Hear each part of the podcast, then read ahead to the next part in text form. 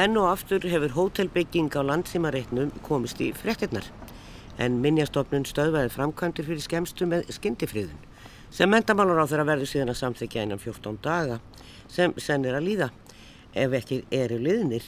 Við ætlum að fjalla aðeins um skyndifriðanir í dag, vendunamál og framkvæmdir og erum því enn og aftur í miðborg Reykjavíkur. Það má segja að þessi reytur hafi nánast alltaf verið í fréttum eiginlega frá því snemma á síðustu öld. Ef kirkjugarðurinn er googlaður finnst ímislegt um uppgröft á reitnum og ég týndi nokkur atrið til. 1931 er agbraut sett þvert yfir garðin á samt jarðstrengjum, finnast þá járnhellur og mikill fjöldi mannabeina. Árið 1932 símakapall lagður þvert í gegnum garðin og koma þó fleiri mannabein í ljós á samt grefturunasteini Gunnlaugs Oddssonar domkirkjuprests. Árið 1954 er aðalstræti 11 rifið og stittan af skúla fógetareist, magn mannabeina sem og veggur fannstu þessar framkvæmdir, leiði geysins góða einnig fjarlægt. Árið 1966 var að Gísli Gjestsson og Þorkjart Grímsson að gera skýslu um þær grafir sem fjarlæða voru. 1967 viðbygging reist með tilherandi raski á legstöðum og gröfum sem og múrveggur fjarlæður sem er til minnis um kirkjugarðin. Og svo setni tíma fréttir þegar skemmtistæðnum NASA var lokað og mikil mótmæla aldar reys með Pál Óskar í brotti fylkingar. Og núna undanvarna mánuði hefur hópur fólks mótmælt raski á kirkjugarðinum og þessum helga reyt. Við hlustum á tvo písla tekna upp á staðinum sitt, frá sitt koru sjónarhorninu. Það er frá sögulegu sjónarhorni annars vegar í fylgu Jóns Freirikssonar sagfræðings og frá venduna sjónarhóttni í fylg Hjörle Stefánssonar arkitekts. Báði píslarni voru teknir upp í fyrra. Í stúdíu eru svo þeir Magnús Skúlason arkitekt sem hefur starfað mikið við húsafriðun um æfina og Jóhannes Stefánsson, frangatastöru Lindavatt sem byggir hótelið umdelda á landsýmareitnum. Undurrituð brýst afsökunar og slæmi kvefi í upphafi síðast árs en við skulum hlusta á þetta.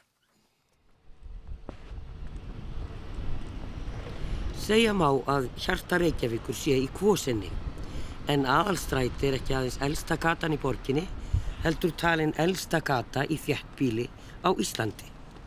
Og kannski svo gata sem fyrst var gengin reglulega af mönnum búsettum hér á landi. Ef trúa má reytuðum frásögnum á landnámi Íslands. Viðtækur fordleifa uppgröftur hefur leitt í ljós að þar og reyndar víðar í kvosinni er einhverjar eldstu mannvista leifar á landinu. Svo segir í upphafi taksta um aðalstrætið í bókinni Litbriði húsana. Saga minnjavendar og endurgerðra bygginga um allt land og er hún eftir Guðjón Fridriksson sagfræðing og kom út nú rétt fyrir jólinn. Við ætlum að heimsækja þetta svæði enda margt á döfinni á næstunni. Já, við ætlum að leggja hérna hér í aðalstræti, eldstu götu Reykjavíkur og ansi ánægilegt að Nú er ég loks að fara að gera þessum sögulega stað í borginni hátt undir höfði, vera með fleiri síningar og tengingar og, og svona segja frá því sem að hér hefur gert. Þetta er upphaf borgarinnar. Við erum svo sem staldra við hér á Víkurtorki áður en á þessu sinni er Guðjón Frýriksson, sagfræðingu með okkur. E, hér á Víkurtorki staldra gerðnan túrista við og gera líka í dag og e, þeir koma hér og stilla sér upp við skólafókjeta og, og, og þeim er sagt frá öllu rétt eða rátt, ég veit ekki. Það flýtur nábygglega ímislegt með.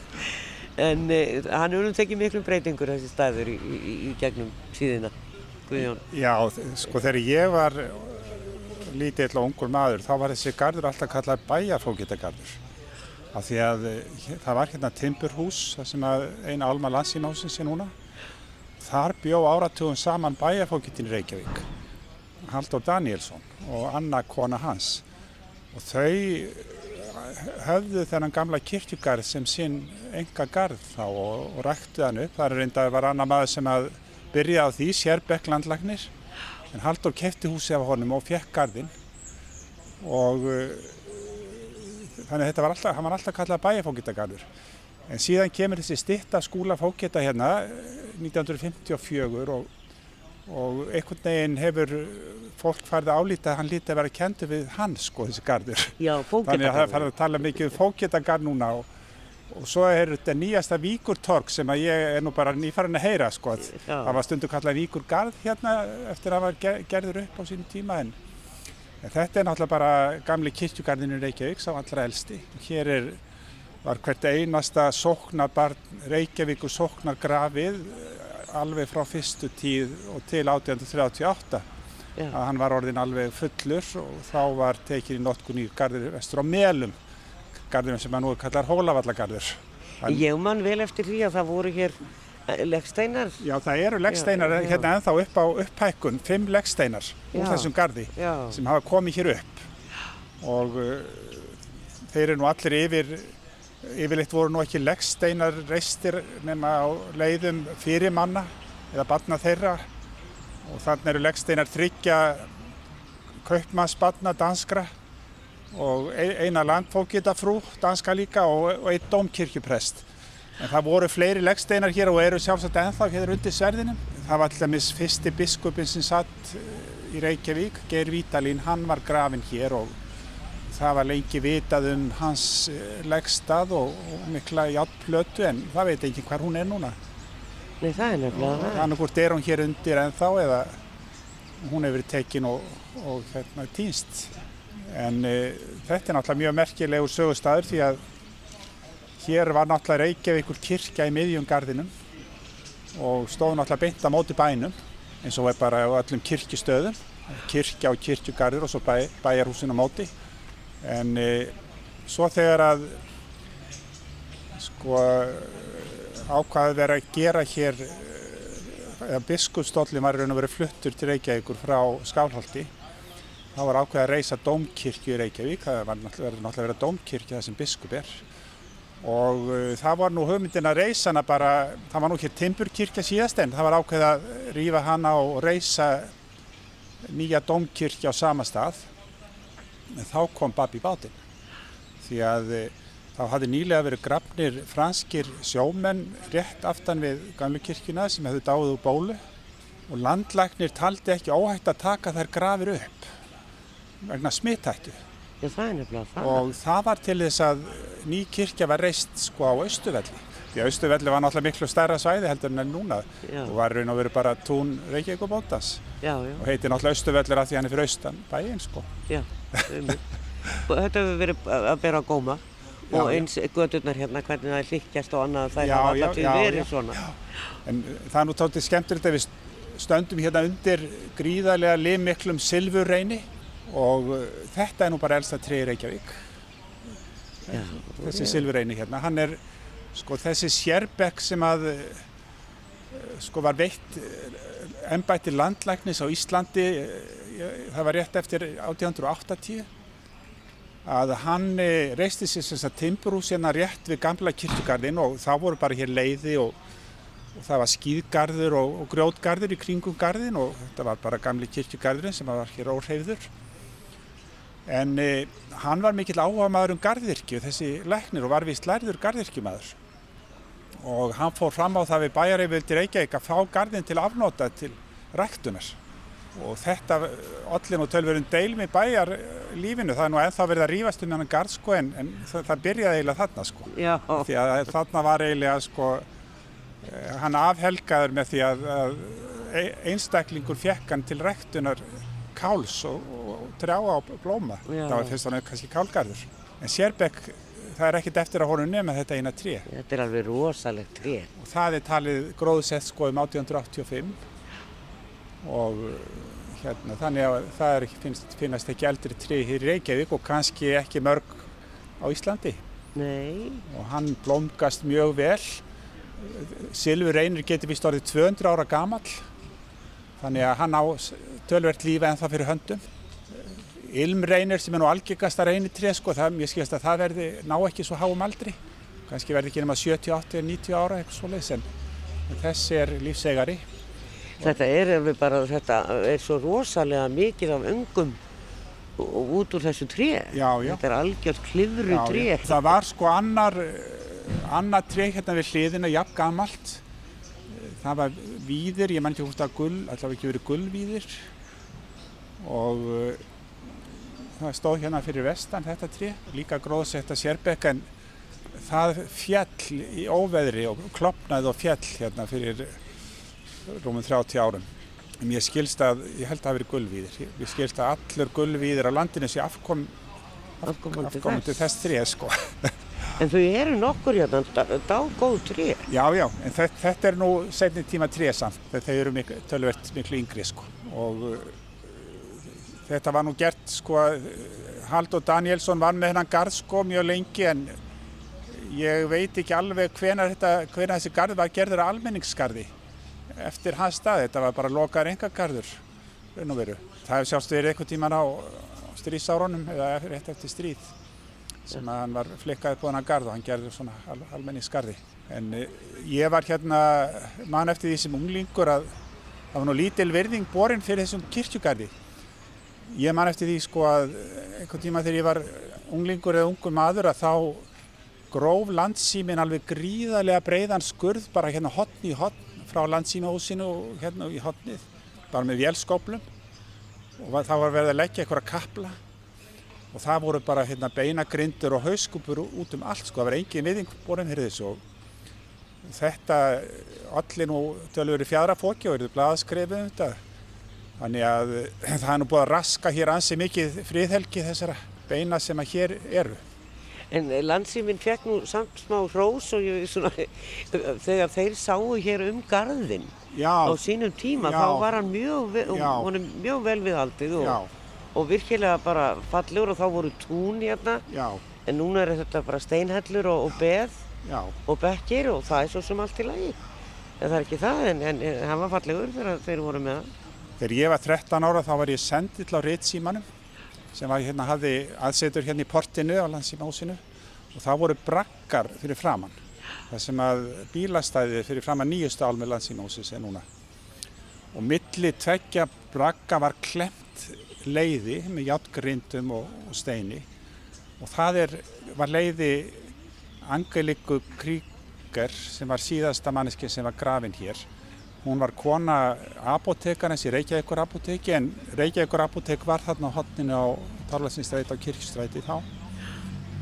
Og hún uh, svifti sér lífið kottnung og apotekarinn fekk leiði til að grafa hana hana eiginlega utan garðs sko. Af því að uh, hún mátti ekki grafa Í heilugum reit, nei, nei, nei, en hún var grafin hann rétt við gamla garðin og, og en svo veit enginn hvað hefur orðið af hennar leggsteini þessum játgrindum þetta brakkarnir voru rifnir og svo bara veit enginn eitt meir. Það hefur verið leitað tölvert en ekkert, ekkert fundist. Merkilegt einhvern veginn að þetta já, hefur verið gert að það, það er ekkert skráð nei og, og einhvern veginn engin beðin um leiði og ekkert til í, hjá yfirvöldum Nei og jafnvel þó það hefur jafnvel týnst eh, eitthvað á þjóðmýna það finnst ekki sund sem átt að hafa farið þangað eða fór þangað þannig að þetta er nú hefur einhver áreiða á umsöð sko sagði Guðjón Friðriksson sagfræðingur um Víkurgarðin.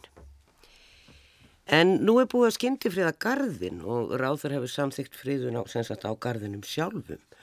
Stýrinstendur hins vegar um ingang hótelsins þeim megin en samkvæmt tekningu er hann fyrir miðjugarsins og þar með getur maður sagt að hóteli sé að tilenga sig garðin. Jóhannes Stefánsson er frangatastjóri Lindavats sem er að byggja þarna, velkomin. Takk fyrir. Og Magnús Skúlason arkitektir einnig sestu hér, velkomin. Takk. Og við skulum byrja kannski að ræða aðeins skyndifriðanir Magnús. Þú hefur nú unnið við þetta í mörg mörg ár. Og þetta er frekar sjálfgeft og ég ætla svona aðeins að fara nýri í þessa krónológíu aftur. En Guðjón Friðriksson segir um ríkið á seyðisvirði. Frá þessu er sérstokk saga byrjað að rýfa innrettingarna niður í þeim tilgangi að flytja þær burtu til geimslu. Seyðfyrringar söfnuðu lið og kom í veg fyrir þetta. Innrettingarnar voru því enn í húsinu, eru enn í húsinu, sumar enn á sínum stað en aðeins og aðrar eins og ráfið um allt golf. Mikið rakir í húsinu og likur því allt undir skemmtum. Þannig var ástandi fyrir tveimur, þreimur árum þegar ég kom í húsið, segi Guðjón. Eh, Hefur eitthvað komið þarna og veist eitthvað um hvernig ástandið er þarna með gamla ríki á segðisfyrði? E, nei, það veit ég ekki. Það Nei. er daldi sem ég leta störfum sem framkvæmdi stjóri húsafyrirna lendar Já. og þá var heilmikil eh, umræðu um að koma húsunni upp af stand Já, og það átt að flytja um set vegna þess að það var að tala um að gata var og, og breið En, en þá voru þessar einhverjar allar á sínum stað og þá var vestlað í húsinu. Já. Svo breytist það, það, það vestluna flutti í einhverja bensinstu þannig á svæðinu sem að sem var lítill lítil stíl yfir en því miður þá veit ég ekki hva, hvernig staðan er í dag. Nei, það er að komast að því.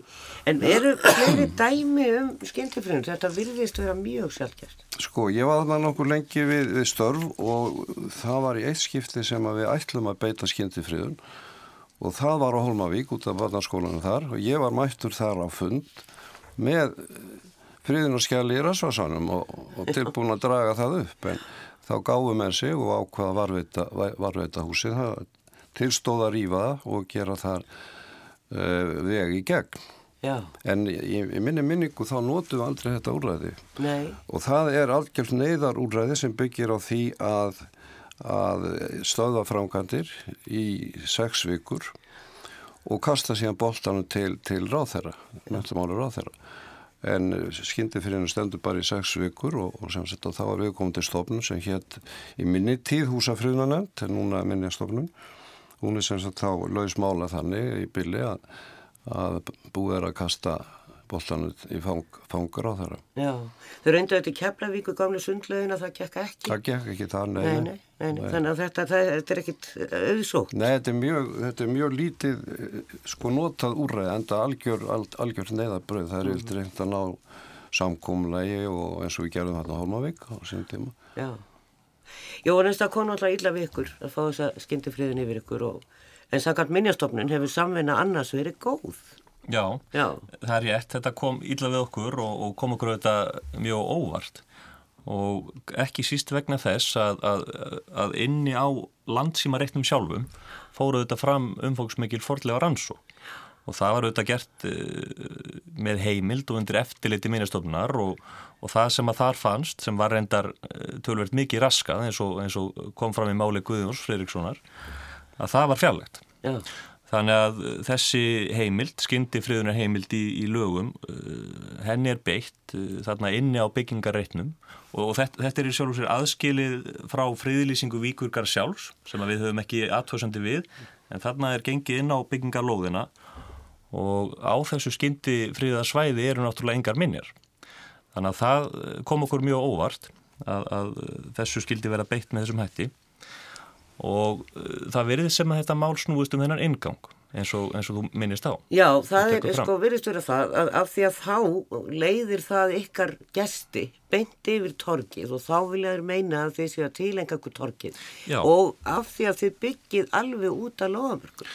Þannig að það er ekkert pláss fyrir framann hóteli til þess að að hleypa eitthvað fólki þar frá kirkjustræti og inn að þið eru alltaf í gardinu menn samt eigiði gönguleið uppi markaðin Já, svo það, kallar það, gamla. það, það eru, sko þarna eru, eru við svolítið á milli steins og sleggju. Já, Eh, Staðan er einfallega svo að Reykjavíkuborg hefur skipulagt reytin og hann var skipulaður að mestu 2013 og, og síðan gerða smá breytingar 2018 og þá var þetta leitað álits frá minnjastofnun hvort að það teldi þá eh, hérna, gerða það einhverja aðtöðsendir meðan við þennan inngang. Og það var ekki gert.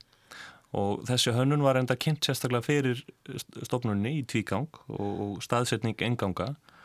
Og þar, þar voru ekki gerðar aðtöðsendir þannig að eh, þetta er mjög íþingjandi úrræði sem að kemur þá svona þegar við erum að taka fyrstu skóplustunguna en, en gott og vel. Alveg burt sér frá því hvernig þessi málsmeðferð og stjórnsýsla er sem að er svona á okkar mati ólumætt en þá er miljón dólarar spurningir svolítið þessi. Hvaða rask hefur það í förmið sér í raun á minnjum þetta snýst nú um minnjavend að gangandi vekkfærindur fari um víkurgarð? Og staðrendin er náttúrulega svo að eins og kom fram eh, líka í máli Guðjóns Erikssonar þá hefur hann verið opinn fyrir almennir umferð gangandi uh, í nokkra ára tugi hann hefur verið notaður undir matarmarkaði og jólamarkað og, og þetta náttúrulega eru eins og skúli kraftbar og aðastrætti nýju þar sem eru íbúðir og veslanir þannig að því er í raun ósvarað uh, hvers vegna þessir þetta fólk sem eru þá kannski helst erlendi ferðamenn hvernig þeir munu þá frekar raska minnjum heldur en aðrir. já, ég held að þetta sé nú ekki sko friðlýsingin á gardinum er eiginlega bara af því þarna er upphaf byggðar og það tala um helgan stað hvað segir þú Magnús um það? Sko, því að það eru raunin enga minjar en það er alltaf alveg rétt en en staðurinn sem slíkur. Já, staðurinn hefur gríðarlega mikið að segja sem, sem frá svona huglægu sjónamiði. Þetta er, við getum talað um huglægt mat sem þarf að, þarf að að gæta. En mér lókar aðeins að minnast á gardin vegna þess að eins og ég þekkjan var, hefur hann alltaf verið einhverju nýðu nýslu og það var nú þannig að afið minn sem var hérna heimilsleiknir í Reykjavík, hann er alin upp þarna í, í gardinu með stórun staf hjá Haldóri Danielsinni, þannig að Haldóri er nú skona langafi minn. Og Anna konan hans gekk honum í, í móðu stað og það var alltaf kallað, það var alltaf talað um önnu, frú önnu sem ömmu í gardinu Já, já. og hún átti dóttur sem hér Leopoldina og hún kendi mér, eða reyndi að kenna mér á piano á sínum tíma sem eru annar mál síðan líða nú árin og ég sé þennan garð síðan svona alltaf meira minni nýðuníslu ég man eftir þegar sonum minn hérna skúli var hérna í, í, í bæjarvinnu svo kallari þá var hann eitthvað, þeir voru gandast með það strákarnir sem voru að vinna, þeir voru að færa til leggsteina Já. og þá var verið að vinna eftir einhverju teikningu sem borgin hafi skaffað. Og ég man ekki betur en það að veri brotnar hellur sem voru, voru hlaðnar hann upp og, og þær voru þessi Elisa dóttir mín sem átti leið hann um nokkur setna hún slasaðist með því að detta á, á þessa blessu hellu. Og galt á hausin svo, svo ég á einstaklega svona engilega minningar um þennan garð. En helgi garðsins er, er gríðarlega mikið og þetta er raunum mikilvægast að stað á Íslandi. Og þess vegna ber náttúrulega gangum garðin með, með, með hérna að virðingu. Og eins og ég sé fyrir mér á að gera eitthvað við þennan garð þannig að hann hann hérna njóti, njóti salmæri sem, sem þá kirkjugarður og, til minningar um, um þennan merka reyð en e, það kemur ekki veg fyrir það að fólk með ekki gangum garðina sjálfsögðum en e, hins vegar er það nú hinn almenna regla að þegar maður teiknar hús og einhvern enganga hús að húsi að þá er maður plás fyrir utan þann, þann engang og máli verið snúast um það að, að þarna eru teiknaði þrýr engangur sínist mér Það er rétt. vestur, östur og, og söður Mm -hmm. Samkvæmt skipulaginu. samkvæmt skipulagi líka og já, eða samkvæmt samkeppninu síðust var það ekki Jú, það var samkefni hérna um skipulareinsins, já. já, það, hún er enda frá 87 Já, það er rétt. minni mig og, Og þess, þessar byggingar eru hérna bara östuðt innskott Já, en- á skipulaði mestu frá 87. Já. já, þarna já. Við komum aðeins að því á eftir. heimildirnar eru síðan það, það Já, ég veit það. og það sem að þeim almenna regli er svo að maður hafi eitthvað, eitthvað, eitthvað rými fyrir utan þær dyr sem maður teiknar þannig að, að ég veit ekki hvernig þetta skipula það, það virðist vera svo að Reykjavíkuborg hafa það fallist á notkun með þessu leifi sem að þeir eru þegar búin að fá Já, já. að þá hafa Reykjavíkuborg fallist á notkun hluta garðsins fyrir utan þessar, þessar vestur dyr Já, notkun bara fyrir gangandi í sjálfu sér. eða fyrir gangandi Já. hins vegar sýnist mér sko þetta á ekki verið neitt vandamál sko í samvættu aðalengang á hótelinu þið getur náttúrulega alveg skilgreint aðalengangin sem aðalengangin hann á móti móti Östuvelli Nei, það getur ekki gert. Vegna þess að þar eru við bundin af samkomulegi við alþingi. Nú, Þannig að þar vandast málið. Við sjáum við, erum, við, erum, við þurfum að lúta skipula skilmálur Reykjavíkuborgar sem að kveður á um inganga frá þessum þremur hliðum. Við erum bundin af samkomulegi við alþingi sem kveður á um að aðalingangur megi ekki vera frá Östuvelli og þá vandast nú málið ef að það má ekki vera að mati minnistofnar ingangur þarna frá Víkaræð. En sko í, í en hvað með raun og veru- söður, hvað með söður engangi þá? þá kirkjustræti. Já, Já, frá það, það hugnast þinginu ekki heldur. Nei sko, já, getur þingi bannað banna svona því að nú er aðalengangur að hótel Borg beint út á Östuvelli Já, já. Já. Þa- Þarna, þe- þetta er, þetta er, þetta er flókið mál en, Já. en, en í raun og veru er þetta bara átt að tvekja hugmynda að mínu mati.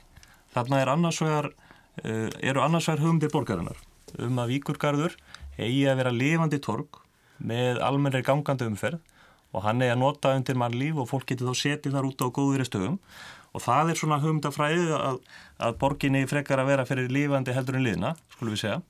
Og hins vegar er það hugmyndafræði minjastofnunar sem að segir, heyrðu, þarna ættu við kannski frekar að minna, minna á kirkjugar ættu ég að vel að girða garðina af og reyna að takmarka umferð og nót gar- garðsins frá því sem verið hefur og þetta er uh, í raun og veru hinn stóra spurning hvað vilja borgarbúar fá í garðin? Já, við komumst ekki lengra. Hér við höldum áfram eftir svallastund. Við ætlum að heyra aðeins í Hjörlefi Stefánsinni en við vorum aftur á ferðinni í vikugarði í nóvember síðastlinum og þá var Hjörlefi með mér. Eh, við hóum sérstaklega göngu og vorum að ræða um andar Reykjavíkur sem er titil bókar hans að samanafni og við skulum heyra hvað hann hafa að segja um staðin. Hvað má álugta um íslenska menningu af því að skoða miðbæ Reykjavíkur? Hvað er hægt að lesa úr skipula í borgarinnar, byggingum, götum og torkum um afstöðu Reykjavíkinga til umhverfisins? Hvað segja húsin í bænum um fólkið sem í honum býr? Hvernig getur við lært að meta og varðveita það sem merkilegast er í gömlu hverfunum og móta þau áfram þannig að gildi þeirra verði sem mest. Svo segir í upphafi formála bókarinnar Andi Reykjavíkur eftir Hjörleif Stefánsson arkitekt sem kom út árið 2008. Síðan þá hefur margt breyst í borginni, mikið verið byggt eða er á loka metrónum. Sérstaklega er þetta ábyrrandi í miðborginni. Það er svo sem ekki fyrsta skipti sem við plasserum okkur hér á Víkurtorg eða Fógetagarðin ef að fólk er kallaðið það. Þetta er gammalt kirkjugarður. Hér var kirkja, hér var eh, eina kirkjan í Reykjavík í upphafi. Það eru breytingar hérna í hverskipti sem maður kemur. Uh, núna eru svona söluvagnar hérna á torginu. Það er búið að reysa hérna stærðarinn á tjald, ég veit ekki það kannski eitthvað brúðkaup í vandum eða eitthvað. Og svo rýsa hér fyrir aftan þetta tjald innan girðingar svona gáma stæða skrifstof mm, ábyggilega og svona mataðstæða fyrir þá sem það eru að vinna. Það er búið að rýfa viðbyggingu Gísla Halldórssonar við gamla uh, landsímahúsið. Það hefur staðið styr um þessa byggingu og bara síðan hún var ákveðin. Ég veit ekki betur en að fórsætti alþingis hafi mótmælt því að það er byggt hér út í göttuna við kirkustræti. Hjörlöfu Stefánsson, arkitekt, skrifaði bók árið 2008 sem heitir Andi Reykjavíkur. Og við ætlum að byrja hér og við ætlum að ganga síðan upp á Norðustíg og Tryggvagötu þar sem er jú búið að byggja og endur byggja. Við ætlum að skoða aðeins hvernig það lítur út og halda svo áfram upp í gegnum bæinn. Það er jú verið að byggja í öðru hverju hodni hérna. Og hvernig líst okkur nú á? Hjörlöfu skrifa mikið um það í sinni bók og hún er undan mjög heimsbyggilega mörguleiti hvernig við berum virðingu fyrir fortíðinni, hvernig við reynum að setja einhvern þráð í gegn þannig að við getum lesið söguna í gegnum bæði gamlar og nýja byggingar. Að við riðjumst ekki inn og snar breytum þessari gamlu láreistu byggð hér í miðbænum. Einnig talar hann um að miðborgin er áriðandi ekki bara fyrir reykvikinga heldur fyrir alla landsmenn og við hefum að geta að vera stolt af miðbænum í Reykjavík þannig að halda sínum einkennum og vera þar, þar með aðlæðandi og ekki bara fyrir ferðamenn, heldur líka okkur. Já, það er svolítið skrítið umhórsveitna núna. Það er náttúrulega að það er risastóra hús sem er hér, eh, fjallakötturinn sem er, eða, og það er byggingar sem eru endurbyggingar og gömul hús hér við kirkjustrætið og svo er náttúrulega þessi gamli kirkjugarður þar sem fólk eh, hefur nú og heiðusborgarar Reykjavík meðal annars mótmælt því að hér sé öllu rutt upp en það er ekki í fyrsta sinn? Nei, það er satt best að segja mjög fátt í umhverfinu hér sem bendir til þess að þetta sé einn almerkasti staður landsins. Hér á þessu stað þar sem við stöndum núna eh, reys eh, fyrsta kirkja í Reykjavík kringum árið þúsund og í átta og halva öld að minnstakosti voru allir reykvikingar grafnir hér. Þetta er sem þetta sögulega mjög merkjulegu staður á þeim stað þar sem talið er líka að byggð hafi hafist í landinu. Þannig að ef vel væri á spilum haldi þá myndi engum blandast hugur um það sem kæmi hér hversu merku staðurinn er. En það er öðru nær, það er ekkert sem að segir eða ber þessari sögu vitni eða sára sára lítið. E, sko þessi hér það sem við stöndum nákvæmlega núna stóð kirkja Reykvíkinga alveg til loka átjándu eh, aldar. Ég held að hún hafi verið rifin um 1797 þegar að domkirkjan eh, sem nú er var reist. Hún átti uppaflega að standa hérna og það átti að byggja hann í raun og veru utanum gamlu kirkjuna sem síðan við rifin.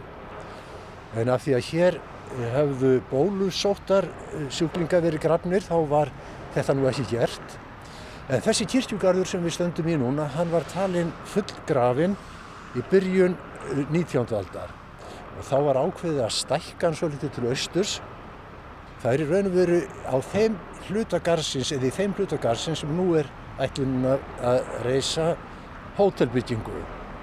En á þessu tímabili frá 1817 til 1838 þegar að kirkjugarðurinn við Suðugóti var tekinni í notkun þá voru grafnir hér yfir 600 reykvikingar og lang flestir í austur hluta garðsins vegna þess að að öðru leiti var hann full grafin. Og nú á sem sagt að rifja þessu öllu saman í burtu fyrir hótelbyggingu stað, kirkjugarði sem ætti að vera einn helgasti staður borgarinnar og sá sem að eiginlega væri þrungnastur sögu á minningum um, um sögu reykvikinga frá upphafi. Þetta er í raun og veru algjör barbarismi. Þetta er svolítið skrítið, maður hefur svo sem heyrt um það í, í útlöndum og jafnvel hér á Íslandi að, að kirkjugarðar hætta og þeir breytast í eitthvað annað. En eh, er það þá algilt að beinum sé ruttu til þess að byggja eitthvað ofan á?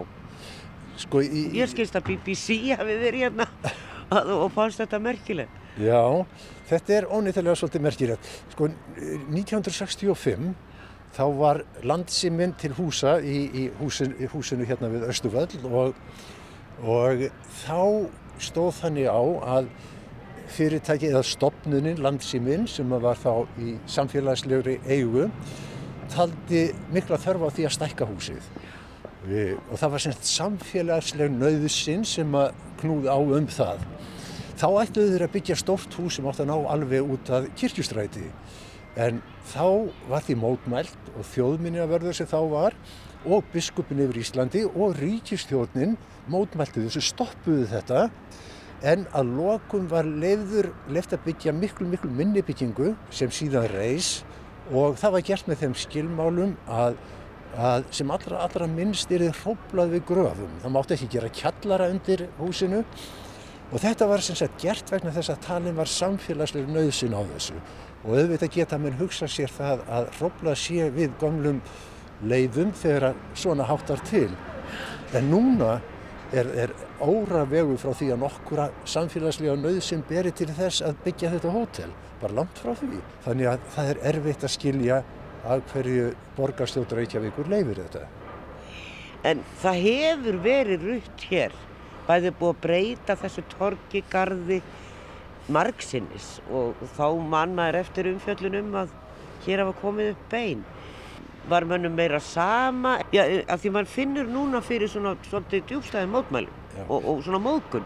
Tíðarhandin hefur náttúrulega breyst og, og meðvitund um um, um hérna, sögulegt samhengi og mikilvægi þess er, er tölvört meira núna heldur en áður og sko vissulega var það þannig sko að póstur og sími unnu hérna margskona spjöll, það var grafið í gegnum gardin uh, fyrir, fyrir eitthvað svona símalagnir og uppkomu bein en þessu var þó mótmælt og, og þau, þær stopnani samfélagsins sem að sem ætla var að hamla gegn spjöllum og minnjum. Þau, þau virkilega unnu gegn því og, og þjóðminjásafnið og, og biskupstofa stöðuðu hér spjöll sem ella hefðu orðið og það er búið að breyta þessu gardu oft og það er alveg rétt að það hefði átt að sína honum miklu meiri sóma. Já. En enga síður er það nú þannig sko að til dæmis árið 1883 þegar að er hægt að grafa hér þá ætlaði, þá stóð til að byggja hér hús í gardinum en það var stöðvað. Sýrbekk læknir ætlaði að byggja í gardinum en þeim fyrirætlunum var breytt þannig húsið var reist utan garðsins og á þann hátt sko það, það er margt sem bendir til þess að, að fólki hafa alls ekki verið sama en spjöll voru unni hér, það er alveg rétt aftur og aftur Já. en það réttlætir alls á engan hátt það að það sem nú stendur fyrir dýrum Já, eins og það heyri góði hlustandur þá eru eilífi skellir hér. Þetta er svona hljóðun í Reykjavík undanfarn ár. Það er aldrei sæmileg þögn. Það eru umferða hljóð og svo hefur verið að berja í jörðinu og búa til bílakjallara líklega. Þetta kemur nú öruglega úr lækjakötunum. Mér sýnist enginn verið að vinna hérna núna. Já, maður sér náttúrulega ekkert fyrir þessu háa grindverki. En, en það er þó þannig, sko, þegar þú lítur í kringum við hérna, þá serðu hér matsölu skúra í elsta kirkjugarði landsins. Það eru tveir matsölu skúrar, litlar svona matarsjóppur, það er tjald hér og það eru, það eru gámastæður hér í kirkjugarðinum sjálfum fyrir skrifstofur fyrir þá sem ætla að fara að byggja uh, hótelið. Sko þau mannvirki sem þú sér hérna er, er hreinasta niðurlæging raun og veru Já. fyrir þennan garð sem ætti að vera einn helgasti staður þjóðarinnar.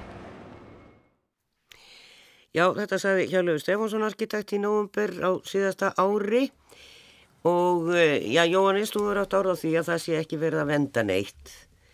En e, það er náttúrulega verið að venda þennan helgastaf. Ekki verið að spilla neinu. Nei, nei, nei. Já, sko, það er nátt- það nú ímislegt við þetta aðtóða og þarna byrtist í raun skoðan ágreiningur hérna, kannski minnjastofnar eða, eða þeirra sem eru verndunar sinnagarsins annars vegar og hins vegar borgarinnar uh, kannski byrja því að gera aðtöðsöndi það að, að Hjörlegu Stefánsson segir að nú standi fyrir dýrum að riðja öllu Já, inni á landsímareitnum. Það er auðvitað rámt vegna þess að þessi fordleifaransókn sem að fór fram með samþykju undir eftirliti minnastofnunar eh, árið 2016 í henni voru þær minjar sem voru reyndar mjög raskaðar fjarlæðar. Já. Þannig að það, að, það stendur ekki til að riðja henni burt vegna þess að þarna er ekkert lengur. Nei. Þetta var skrásett og, og fært á þjóðmennisafnið og það er í raun rétta leiðin til þess að gera þessu minnum hátt undir höfuð. Ekki að láta þær liggja óreifðar undir bílastæðum heldur að, að svona e, draga söguna fram úr þeim. Og, það, og það, því er ekki neittað, þetta er að sjálfsögðu sögufræður reytur. Og, og það er okkar mat í þessu að, að bygging þarna á reiknum við hliðin á vegi alls ekki að þeim minnum.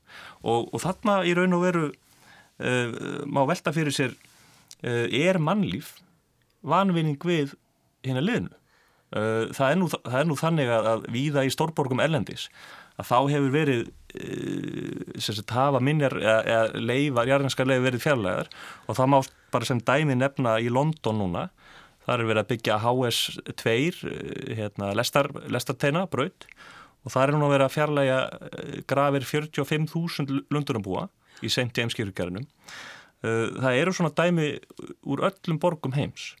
Og þetta snýst bara um það að, að, að, að það þarf einhvern veginn að tvinna saman annars vegar virðingu fyrir þá sem, þeim sem að undan fara annars vegar, en hins vegar þarf auðvitað að huga að borg fyrir þá sem að eru núna lifandi. Já, en ég myndi geta vilja spyrja á því að þetta, þetta er náttúrulega mjög stórt. Þeir eru að byggja þarna semst alveg út af kirkjustrættina er því. Já. Þeir eru svona tegið þar út og þar verður gáðstöftur í framann. Og svo er náttúrulega gamla landsímahúsið. Jú, jú, það, það heldur að sér. hækka, já, já, hækka eins Það og hækkar að Hótel minna Borg, það, já, akkurat. Og síðan er, eru millibyggingar inn á Ingólstorg Já, sem að koma inn við hliðin á Hótel Vík og gula húsinu út við akkurat. E, sko, maður, þar er, er, er séns að hafa ingang þar. Er mikið mál Það- að breyta þessum ingangi ef að þetta er eina máli sem að, sem að uh, stýri stendur um? Sko við erum, uh, við erum ekki í þessu til þess að standa í deilum. Nei, Uh, alls ekki, síðan er svo. Uh, ég lít þannig á, við, við lítum í sjálfsög þannig á að, að það sé alls ekki útlokað að gera það, að færa þennan inngang. En það þyrfti þá að gerast í einhverju samstarfi okkar og minnastofnar. Uh, hins vegar er ákveði vandamál í þessu að, að skipulæð, deilisskipulæð, Já. uh, sem að minnastofnun samþekti fyrir sitt lit á sínum tíma. Uh, það gerir ráð fyrir þessum inngangi hérna. Þannig að þetta er svolítið, þetta er svolítið flókið mál. En, en ég ítrekka það bara að ég, ég skil einfallega ekki hvers vegna þessi gangandi umferð er einhvern veginn frábröðin eða verri þeirri sem að verið hefur undanvarn áratví og, og, og það má alveg taka undir með hjörlegu Stefánsinni uh, þegar hann segir að þetta sé kannski ekkert mjög visslegt þarna á torkinu vegna þess að þetta hefur verið það hefur verið svolítið fílað þarna uh, og þetta hefur kannski verið frekar svona uh, verustæður útigangsmanna og fleira. Við þetta höfum engan áhuga á því þegar þetta er allt komið á koppin. Við sjáum frekar fyrir okkur að, að þarna verði kannski stemming uh, áþekk þeirri sem er á austurvelli uh, á góðir stöðum. Þetta er auðvitað mjög skjólselt og gott svæði. Uh, í sambland við þá ein, einhvers konar minnjavend og eitthvað sem minnir þá á sögu staðarins. Þarna, þarf, þarna ætti að okkar veiti ekki að gera aftur kirkjugarð með afgirtum, hérna, afgirtu torki eins og, og minnjastofnun svona lætur í veðri vaka að, að eigi frekar að vera heldur þarna einhver blanda af mannlífi og síðan virðingu fyrir sögunni. það er ónættilega eins og þú talaður um áðan líka Magnús að, að það væri það væri búið að vera óvirðing á þessum stað í mörg, mörg, mörg ár. Ég konu þarna á einum að fáum góðuristöðum síðasta sumars og settist þarna fyrir utan barinn skúla fókjeta og þar var búið að setja upp skíli og borð og hægt að setjast út og sömulegis ef við kaffihúsi dreyði út borð og stóla en e, þessi, svo eru náttúrulega þessi sölu skúrar eru kannski ekki alveg það sem að manni finnst neitt voða spennandi á, á þessu torki sem að hafa verið þarna núna, já, síðustu mánuði, síðasta árið allavega. Það verið lengur. Sko ég get ekki annars, já það er ímislegt sem er sko hægt að ræða í þessu tilviki en ég get ekki látið hjálið að minnast aðeins á skipulagi sem unnur eftir þarna frá 1987 sem ég tel vera gjársamlega úreld skipulag en borgin hefur ekki treysið til að breyta gamlu skipulagi af óta við, við við hérna fjárkröður. Það hefur nú reyndar, því var nú reyndar breytt 2013. Já, ég, ég ætla að koma aðeins að því en hins vegar hefur þessi aðili sem, að, sem er að byggja þarna, þó hann byggi mikið og byggi langt yfir þeim mörg sem ég tel, tel rétt, þá hafa þeir, þá hafa þessi byggigræðileg komið til móðs við, við ími sjónami minnavörslunar eins og húsahæður og gerð húsa við sem snúað yngolstorki. NASA-salin á að endur byggja eins og hann er Eh, neðajarður af vísu. Ég laði það til á sínum tíma hann yfir fríðar, bara það sem hann væri, en þetta er næst besti kosturinn að, að setja hann hann niður. Það var búið að rífa allt út þar? Það, já, já, og veggurinn hann sem var úr Holsteinu, og þetta var þetta húskallað Holsteinu í gamla daga þegar það var eigur sjálfstæðarsflokksins, sko það var ekki merkilegur þannig séð, þannig að, þannig að þetta fyrirtæki er búið að koma til mótsvið í mig sjónamið og, og, og gert það vel. E, þannig að mér sýnist að þarna ætti að vera hægt að ná einhverjum, ná einhverjum samstöð en það er annað sem ég, get ekki látið hjálið að minnast að, og það er útlýtt þessa hús sem ég hef verulega sko ég hef verulega e, verulegar áhyggjur af því og kollega minni þeir síndu frábæra tilburði í Hafnastræti þegar þeir byggðu við rammagerðina. Viðbyggingarna þar eru mjög fínar. En þarna finnst mér gæta einhverjar tögaveklunar því að, því að þetta hús er í mörgum hlutum, mörgum hlutum, einum 5-6 hlutum eða, eða 7, ég hef ekki gett að talið á, stæðan fyrir að hafa eitthvað heilstætt prósent þarna, heilstætt hús sem stýr til þess að húsónu við kirkustræti e, og svo framvættu og ég hef miklar áhyggjur af þessu. Já, en þetta er náttúrulega, við getum svo sem ekki leist það, þetta er smekksætrið. Já, ok, það er smekksætrið sagt, ég til mig að daldi vita á þessu. Já, já, já. En bussið frá því, þá hlýtur það hægt að ná einhverju, einhverju samkónu í þennan, þennan ingang. En um garðin vil ég það segja að hann á náttúrulega að njóta ákveðnar helgi, en ég tek alveg helsóður undir það að þessum garði á að vera mannlíf og það var ekki bara að vera fyrir hennar döð og það eru dæmum að kirkjugarða séu notaði sem, sem slíkir. Ég meina að það er eh, stundum gamli kirkjugarðin en stundum misnotar hann að við hóla við hólaverðina en, en, en það getur verið mannlíf í kirkjugorðum og það getur tengst lifandi fólki heldur betur. Já. og Þólbjörgur Þórðarsson var hann ekki pynnt að föndra við konur í, í kirkjugorðinu til dæmis þannig að þetta er ekki teilagt þannig að það á að gera þessum gardi það þarf að endur hanna hann ekki endilega með hugmyndasamkynni heldur, heldur gera honum gott og það áverða hægt að tengja þessa, þessa starfsemi saman. Þarna er náttúrulega mjög skjólgott horn. Já sem er, er mjög vel tilfallið til úti veitinga mm -hmm. staðar Já. og ég sé það alveg fyrir mér að fólk geti setið þar í svo hodni og, og, og, og hérna verðt þennan kirkjugan fyrir sér. Nákvæmlega. Og lesi kannski eitthvað meira um hann. En, en, en, en, ekki, en kannski til að leysa máli hefur þið kannski átt að minka húsi pínluti til að vera svona ekki alveg í loðamörkunum. Já, það, það, það, það sem ég var auðvitað líka. Mál. Já, það er nú reyndar ekki alveg í loðamörkunum. Það er smá, ef að segja kannski halvu metur frá ingangun. En þetta er nú bara staðan samt svona í, í, í miðborgum almennt. Tíminn er, er svona líða hjá okkur -hmm. af því að við myndust á NASA mm -hmm. og það voru jú síðustu mótmæli þar og undan voru út af því að NASA lokaði og, já, já. og allt það og þátt að rífa það og svo frétti ég það nú þegar fyrri eigandi var með þessa eigni sem þið líklega kaupið af mm -hmm að hann var búinn að rýfa allt hann út og, og það voru náttúrulega handrið inni sem að ég mann svo vel eftir og skúli ábyggina líka, líka. Já, já, já. Magnús ætlaði að segja eh, mann örgla líka eftir sem voru svona sandblási gler eins og segja á teknikonum þetta er svona víravirki það sem er teknað af arkitektonum en hvað varðum þetta, var þetta bara broti nýður og Er ekki hægt að Já. gera þetta aftur eða hvernig er það? Sko, ég svo sem þekki ekki hvað, var- hvað var gert við það sem var hann áður. Það er, fyrir mína tíu árunni kema verkefnu. Við langar bara, við langar að skjóta þetta inn, við langar að þakka Magnúsi fyrir að, að hérna, minnast á það að, að við höfum verið að, að koma til mótsvið ímisjónum, meðal annars þarna í NASA.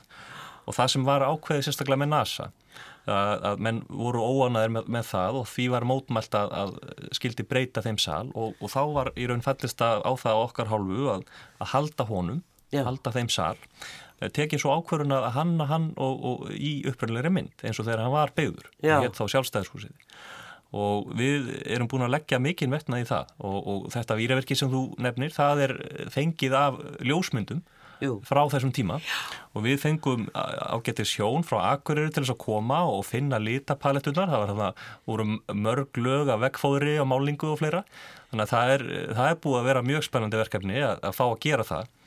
Þarna verður eh, hérna, gert ráð fyrir eh, svona ráðstefnu og tónleikasal og, og við erum mjög spennt að, að, að taka þetta í nótkun og sjá hvernig þetta kemur út. Já, það verður örgulega mjög gaman. Hvenar eru áallu verklokkarna hjá okkur? Já, það veltur nú auðvitað svolítið á því hvað gerist hérna á næstunni. Já.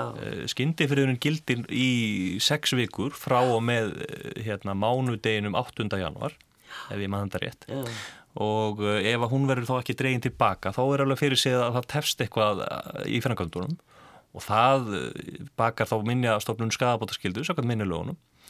Um, það verður síðan að koma í ljós hvað ráð hann gerir en, en við eins og, eins og ég saði hérna áðan, við erum fúsir til samstarfs uh, um að leysa þetta mál án þess að þurfi að koma til uh, fríðunar á landsýmarættum sjálfum. En að þessu sögðu þá eru okkar verkaállinu núna að gera ráð fyrir verklokum uh, svona síðula höst 2020. ég skil. Þannig að það er nú svolítið í þetta, Magnús. Já, mér langar aðeins að, að, að nýkja á þessu með skadabætur sko til að fá einhverja skadabætur þá þarf að meta, meta það tjón sem að þessu verður og það er oft svo að e, í samvændi við friðunar ákvarðanir þá er talað um skadabætur og það er náttúrulega líkur í landi hér að, að, að friðunar áttak það, það þýði skadabætur. E, við erlendis þá er það svo að friðuhús eru, eru til, til sóma fyrir, fyrir umhverfið og eigendum. Við teljum þau eins og kvennaskólan þarna og, já, og það er sama til þess með ykkur að, að hafa aðgengi að fríðuðu, fríðuðum gardi en náttúrulega það, það hlýtur að, að takmarka eitthvað tjón, ekki satt? Ég, það fer náttúrulega til eftir hvernig hann verður þá hannaður Já, að- ég, að ég sjálfsögðu. meina að til dæmis geti það gert það. Já, en, en sko, við, við, við máli snýst ekki um friðun víkugars eins og hann er skilgrendur á lóðauftráttum, heldur friðun, eða þessa skyndifriðun sem nærin á byggingarlóðina. Það er vandamálið eins og, eins og það blasir við í dag. Já, Ég ég, tek ekki fl- afstöð til, til hennar. Nei, þetta er flókið mál og við skulum vona að það leysist á sem farsalastan hátt fyrir alla Mhm, saman. og allir vilja að þessi staður verði aðlæðandi og skemmtilegur í miðborg Reykjavíkur. Magnús Skúlason, arkitekt og Jóhannes Stefansson, frangatastjóri Lindavats. Takk fyrir komuna. Kæra þakkir.